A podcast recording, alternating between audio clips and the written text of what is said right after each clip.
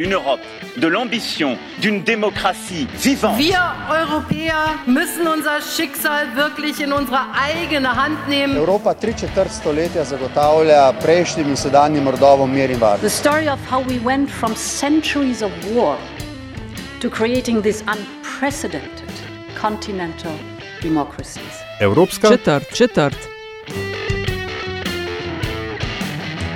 United we stand, divided we fall.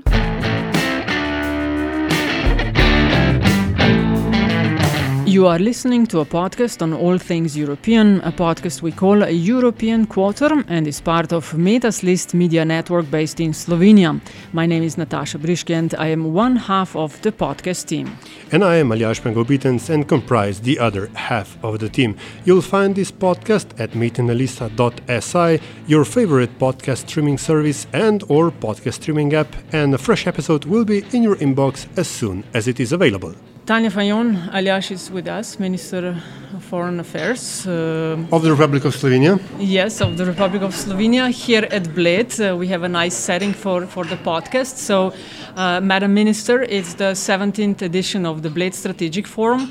You've had a lot of uh, obligations today, tired. We are just ahead of the, the dinner that you are hosting uh, for the guests. Right, and I'm actually very excited to have all these people here. I mean, this Bled Strategic Forum just heard when I was coming here that it goes beyond our expectations, so it'll be difficult next year to make it better. Um, we have uh, almost 2,000 people registered, a lot of young people, and also a lot of panelists from all over the world. But it's also a very challenging time, and the topic is very timely, uh, discussing how the Europe will reposition its strategy inside, how we will build our unity, and how we will um, tackle our big powers around. So we have a lot of open geostrategic questions, and it's a, a very good title of the Bled Strategic Forum um, with uh, what will prevail the, the um, uh, um, power of the rules or um, a rule of the powers. So this is, I think. Something that our societies, our politics, our experts, everyone is currently addressing. Allow, allow me just this question, Alia. So, lots of guests. Uh, you are hosting uh, the Bled Strategic Forum. Are they behaving? Um, I heard from Our Lady of Protocol that she got a few now and then someone is a little bit, you know, unpolite, but this is because we have a lot of people here. Um, mostly they're really happy, they uh, really excited about the atmosphere, and I invited them to taste our delicious, you know, um, kremšnita and uh, swim in the lake. So the setting is perfect for good inspiration and uh, good positive thoughts because it's a lot of depression, it's a lot of, you know, questions that are heavy questions, and as our moderator say, it's like a black cloud above the Europe and the global order and it's good to have this inspirational positive environment um, with us. And uh, i do hope that today and tomorrow we will also uh, find some answers to, to these challenges that are um, facing europe and um, the world.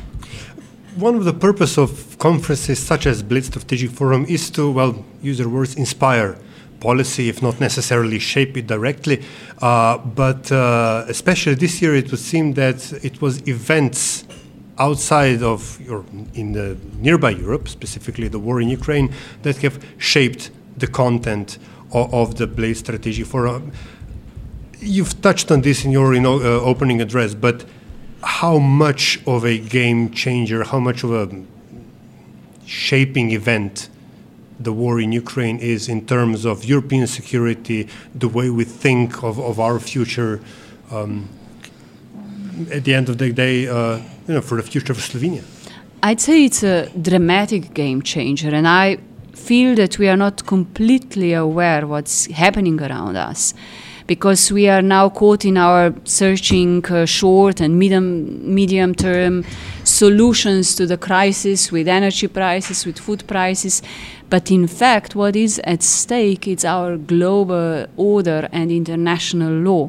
So that is why we have to stay united not only as a european unity but stay united to protect our values, to condemn Russian aggression, and not to, you know, try to find some ways around to protect our economies because these debates in our societies are opening now after six months we see some certain fatigue people feel the consequences of the war and they don't see the war anymore. So this is what I feel it's at risk if we don't remind ourselves. Ukraine is at war. People are fighting and losing their lives for European values of democracy, the rule of law, the international law, and the fundamental rights. So we have to help them, and we have to help them as long as that is needed. But the price will be absolutely high. Mm. What's also frustrating is the stability in the Western Balkans. Uh, the Balkan is part of the DNA of the Bled Strategic Forum. You yourself, as uh, the member of the European Parliament, as a foreign minister, have invested a lot of your energy to that part of uh, the world, and yet the progress has not been as one would wish. Mm -hmm. what is going on? The best what I heard today uh, was um, when Prime Minister of Albania used terminology tragically optimistic. We still sing and we stay optimists, but we know that not much is happening, but we'll be the last one to enter EU even when the EU will be empty. It was a lot of cynicism. But he's so much right. I feel the same. I'm 20 years following the enlargement process on the Western Balkan. And after 20 years, when we delivered our promises of a clear European perspective in the Thessaloniki summit, we are still having countries that haven't even started the accession talks. We have a growing nationalism. We have um, people's despair, youth brain drain. We have economic and political instability. And all that is also the consequence, not because of the Ukrainian war, but because of lack of strong European uh, credibility in the enlargement process in the region.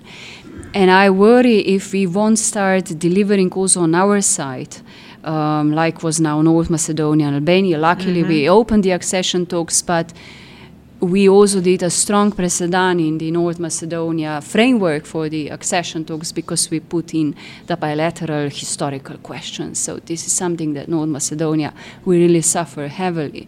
So the, we should not leave behind the Western Balkan. This is the region that suffered bloody wars not mm.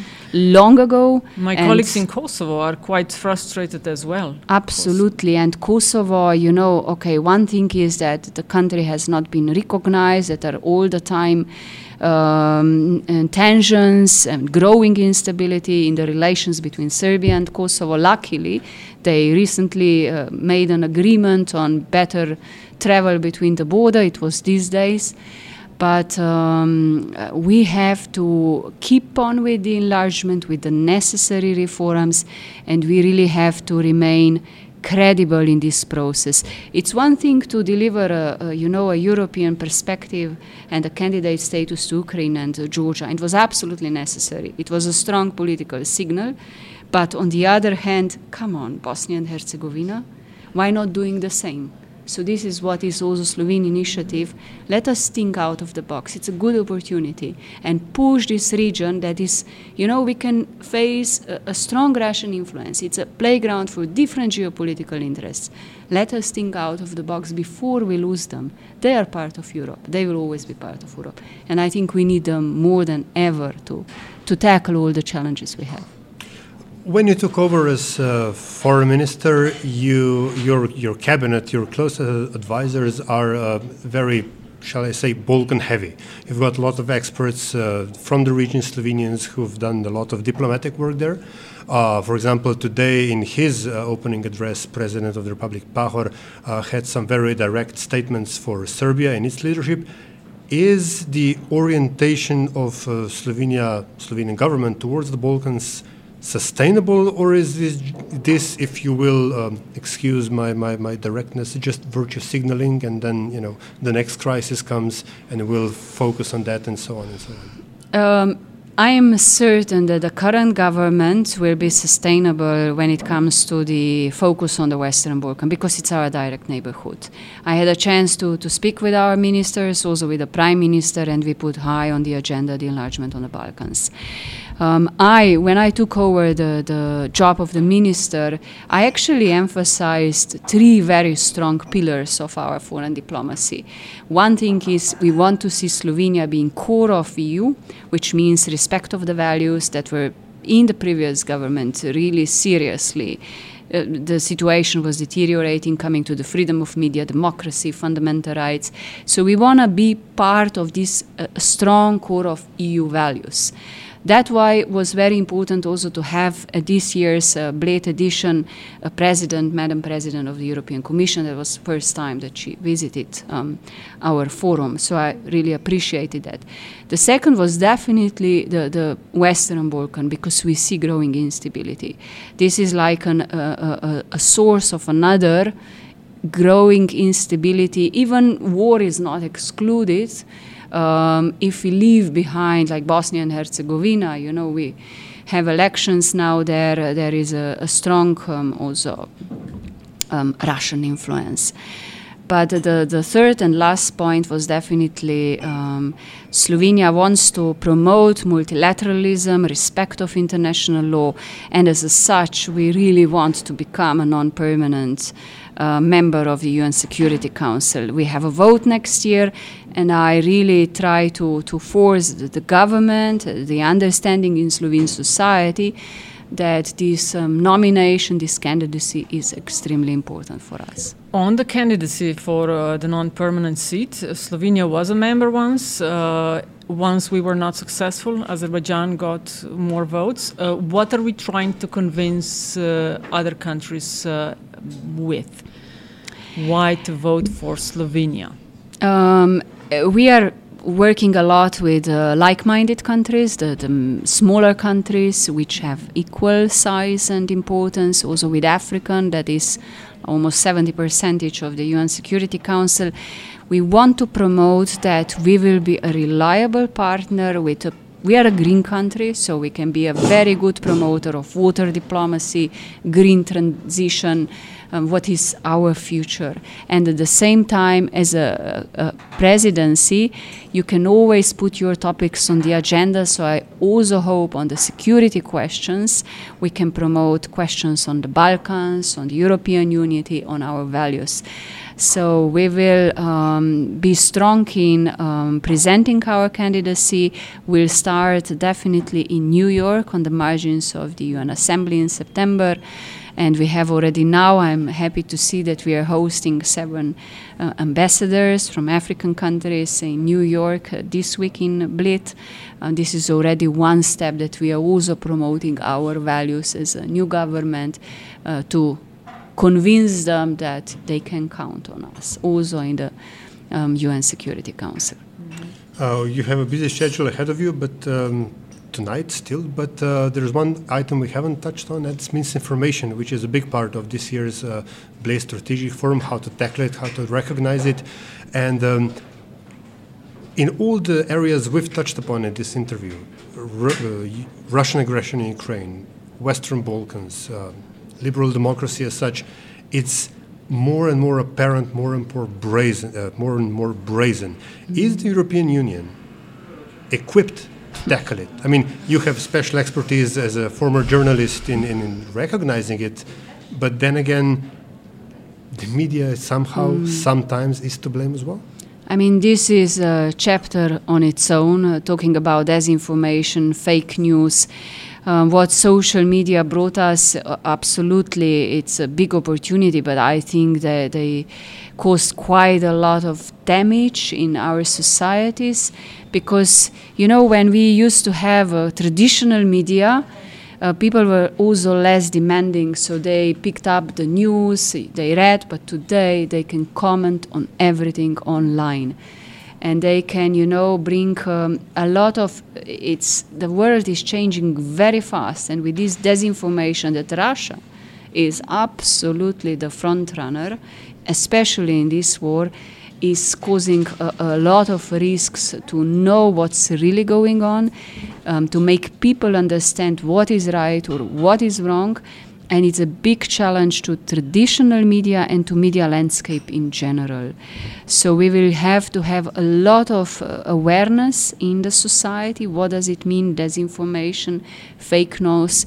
it's of course we are developing all sorts of instru- instruments. Also, when I was in my previous capacity in the European Parliament, we were discussing a lot about how to, you know, um, establish regulation for big platforms such as Facebook, YouTube, um, um, um Amazon, and so on.